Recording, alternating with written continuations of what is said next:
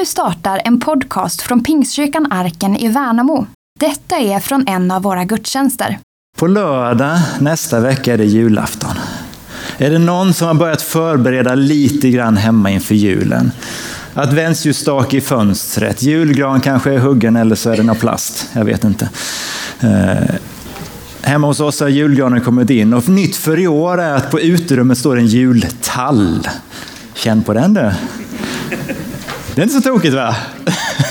En liten jultall på uterummet, den klarar sig utan vatten. Den står där jättefint och bra, än så länge i alla fall. Vi får se hur det blir med den. Och inne på bord, bänken så står den här, vet, den här lilla julkyrkan som spelar Stilla natt. Visst är det vackert? Den här återkommande traditionen som kommer år efter år. Um. Och krubban. Hur många har en krubba hemma någonstans? Ja, det är ganska många. Ja, en hel del har en krubba med Josef och Maria, med Jesusbarnet, de här vise männen som kommer. Och, ja, men allt det där som hör till julen, att få förberedd inför julen som kommer, jag tycker det är något speciellt. Och när man tittar på Maria där, så kan man ju faktiskt tänka på vad som ängeln sa till henne. Man läser det i Lukas evangelium kapitel 1. Att ängeln kom till jungfrun Maria och säger så här, gläd dig du som fått nåd, Herren är med dig. Men hon blev förskräckt av hans ord och undrade vad denna hälsning kunde betyda. Det är lätt att vi reagerar lite så med förskräckelse när någonting är på väg att hända. Och så kommer ängeln och så säger han så här, var inte rädd Maria. Var inte rädd. Du har funnit nåd hos Gud. Du ska bli havande, föda en son och du ska ge honom namnet Jesus. Han ska bli stor och kallas den högstes son. Och Herren Gud ska ge honom hans fader Davids tron. Han ska vara kung över Jakobs hus för evigt. Och hans rike ska aldrig ta slut. Då sa Maria till ängeln, hur ska detta ske? Jag har inte haft någon man. Ängeln svarade henne, den heliga ande ska komma över dig och den högstes kraft ska vila över dig. Därför ska barnet som föds kallas heligt och Guds son.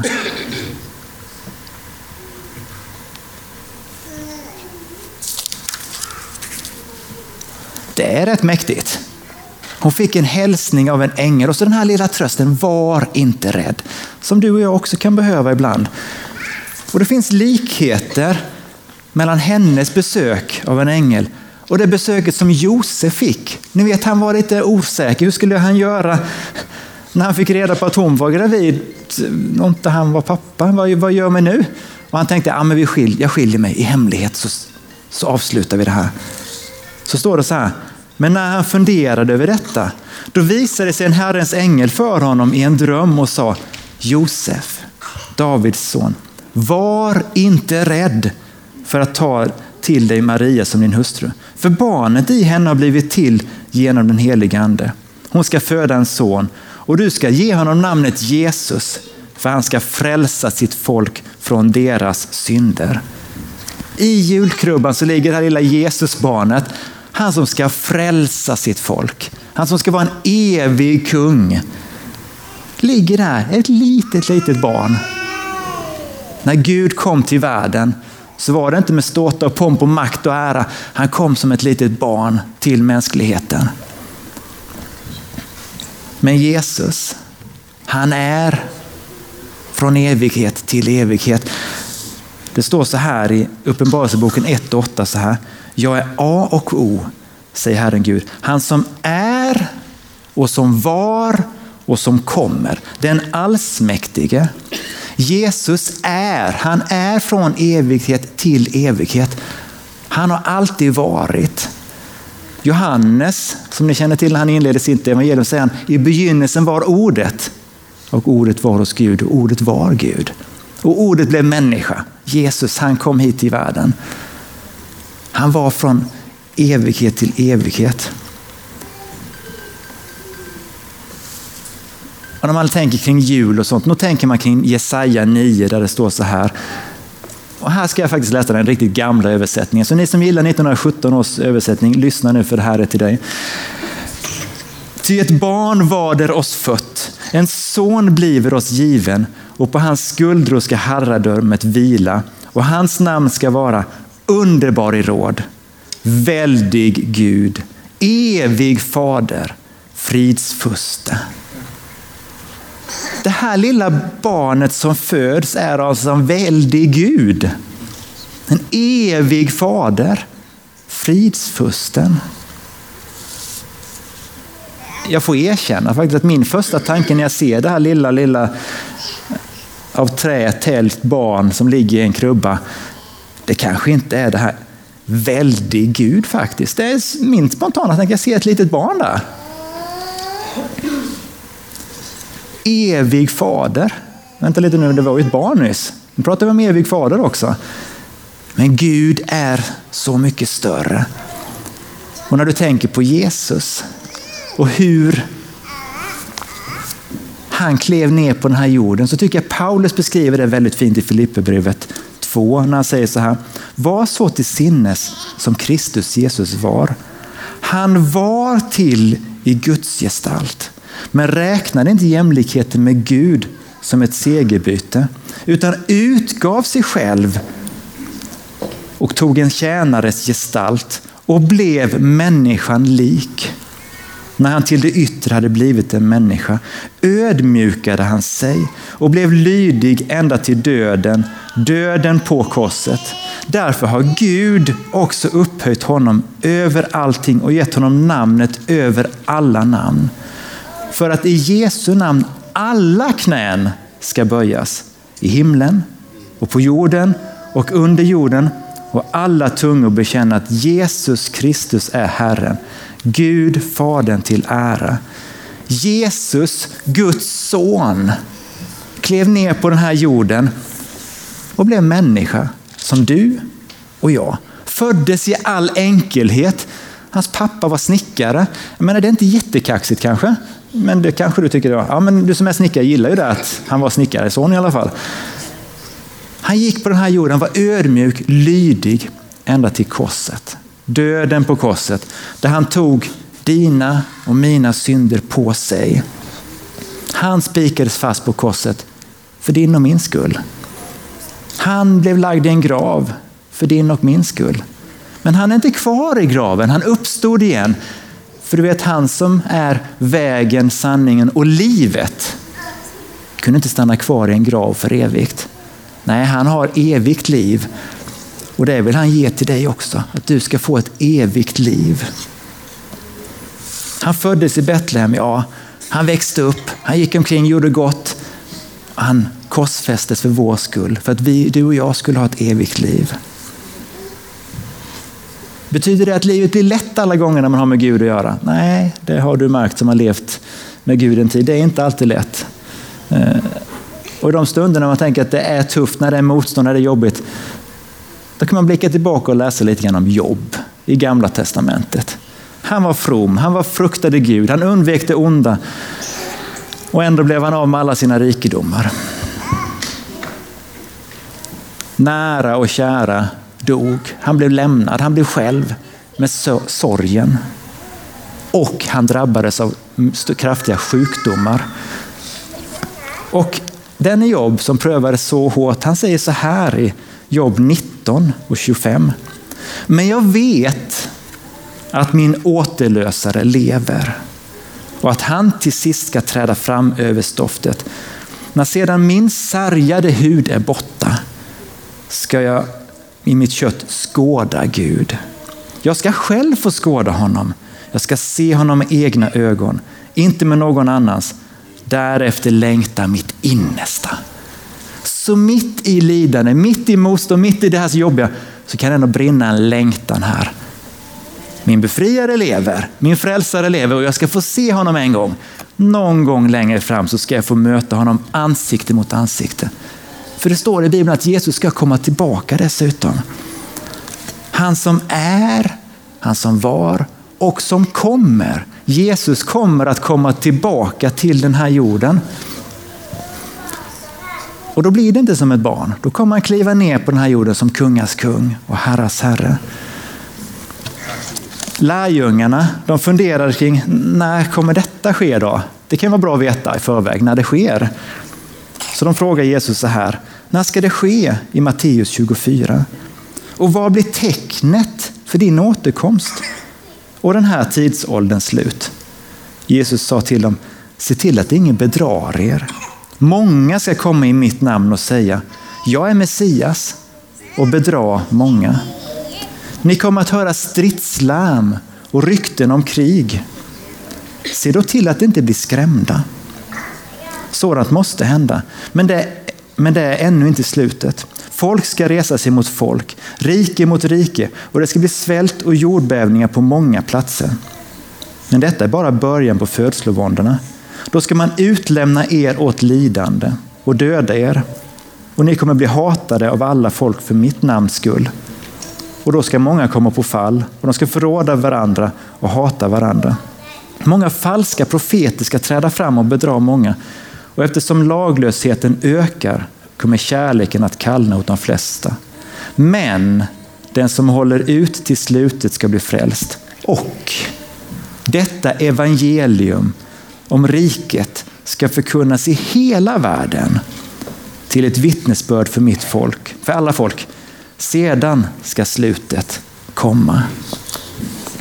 Vi kommer höra rykten om krig. Ja, visst är det så att vi gör det. Och det har man gjort i alla tider. Just nu det vi hör om mycket det är Ukraina och allting som händer där omkring. Vi har andra länder som det är stridigheter, demonstrationer i Iran och de slår ner med kraft och våld. Och i vårt eget land så hör man om skjutningar och mord allt som oftast också. Vi kommer höra rykten om krig. Se då till att det inte blir skrämda. Sådant måste hända, står det. Det på något sätt hör ihop med människans fallna natur, att vi lever i synd, människan. Och då får det som konsekvens också att man bråkar och sen så, i det större perspektivet handlar om krig. Och Jesus berättar också att kristna kommer utlämnas. Läser man Open Doors rapport, World Watch List, så var det så att 2010 så var det tio länder över jorden där det var antingen allvarlig förföljelse eller extrem förföljelse. Eh, I årets utgåva så är det 50 länder som har den definitionen. Så det går inte riktigt åt rätt, rätt håll. De kristna blir inte bättre behandlade i jordens länder. Laglösheten ökar, kommer tillta, står det. Och kärleken kallnar. Det hänger också ihop. När vi vill gå vår egen väg, inte vill följa Guds ord, utan vill låta leva livet på det sätt som vi tycker är bäst. Utan att kanske titta på Bibeln, vad Gud säger. Då hänger det också ihop med att kärleken kommer svalna. Kärleken kallnar. Men evangeliet ska predikas. Evangeliet ska gå ut i hela världen. Alla folk ska höra budskapet om Jesus. Budskapet om Jesus är det bästa en människa kan ta del av. Att få höra att Jesus föddes i all enkelhet. Att Gud kom till den här jorden och föddes, levde på jorden och lät sig dödas för våra synders skull, för mina synders skull, för dina synders skull. Och att han lever idag och manar gott för dig och han ska komma tillbaka. Jag vet när jag var yngre, så ibland hörde man predikan om Jesus ska komma tillbaka och jag blev ju livrädd. Han ska komma som en tjuv om natten, helt plötsligt kommer vissa vara borta. Jaha, hur gick det där till? När kom han? När försvann han? Vad hände? Eh, tänkte jag. Och så läser jag i Matteus 24 och 27 så här. För som blixten går från, ut från öster och lyser ända bort i väster. Så ska det vara när Människosonen kommer. Det är ingen som missar den, Det är verkligen ljus från ena sidan till den andra. Och när änglarna möter de här lärjungarna som står och tittar upp mot Jesus när han har åkt upp till himlen igen. Så säger de så här, Galileer, varför står ni och ser mot himlen? Denne Jesus som togs upp från er till himlen, han ska komma tillbaka på samma sätt. Han kommer att komma tillbaka tydligt. Men det gäller att vara redo, så det finns ett allvarligt perspektiv i det hela. Vi ska inte missa tillfället. Vi ska inte missa liksom Jesus i livet. Vi ska ha olja i våra lampor om du kommer ihåg den bilden. Vi ska förvandla, förvalta vårt pund. Men jag tänker inte att vi ska skrämma varandra med budskapet om att Jesus kommer tillbaka.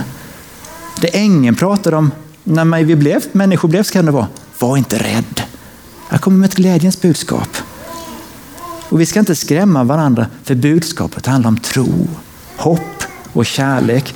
Att låta tron växa sig stark i våra liv, att låta hoppet vara levande och att kärleken inte ska kallna eller svalna utan tvärtom får vara en värmande glöd. Och Paulus, han beskriver så här i första Thessalonikerbrevet 4 och 15 och framåt så här.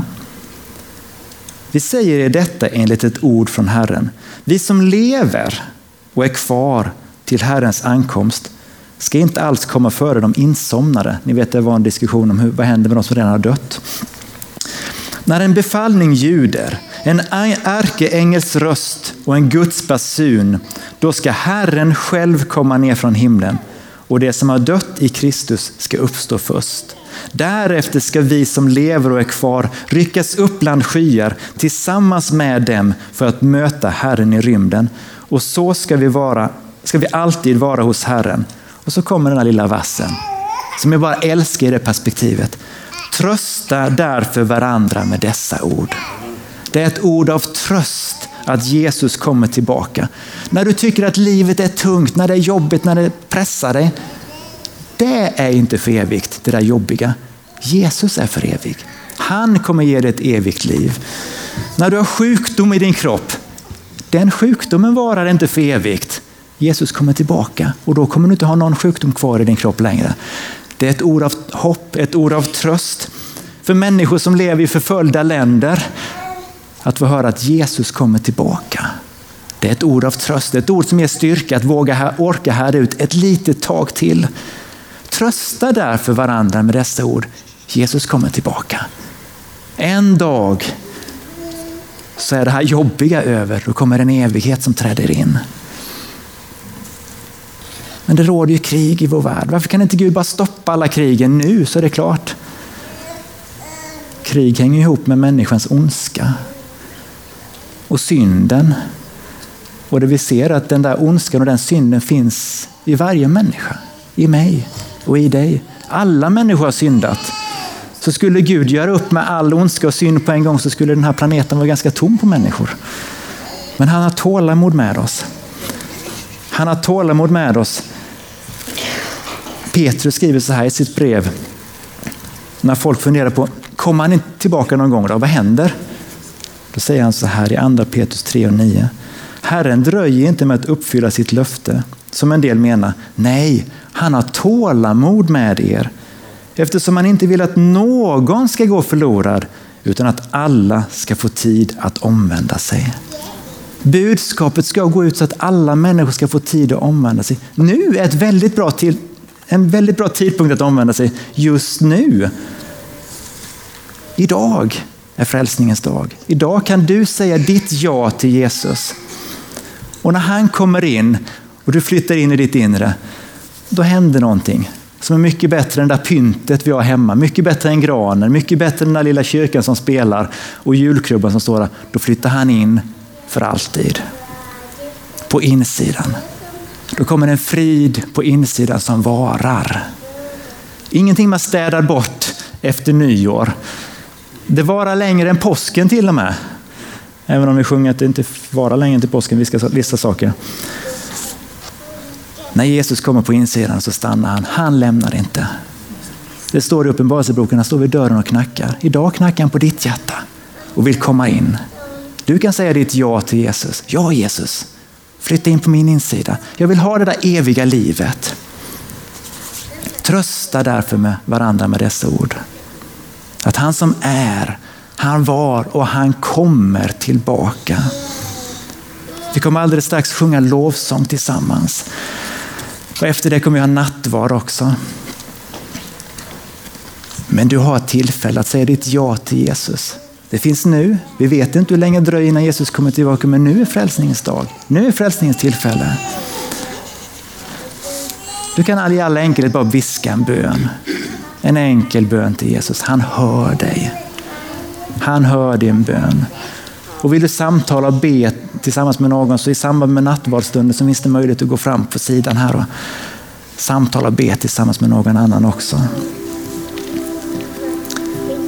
Vi kommer i den här sången som kommer nu få lyfta upp Jesus. Han som led och dog på Golgata. Han som lades i en grav. Han som på tredje dagen uppstod igen från de döda.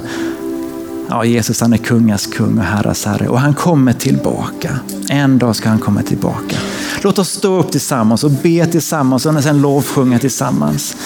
Tack älskade Jesus för att du föddes till den här jorden, Herre. Jag tackar dig för att du klev ner på den här jorden för att vi skulle få uppleva frälsning. För att vi ska bli räddade. Jag tackar dig för att du kommer med en frid, en frid som består, en frid som varar på insidan.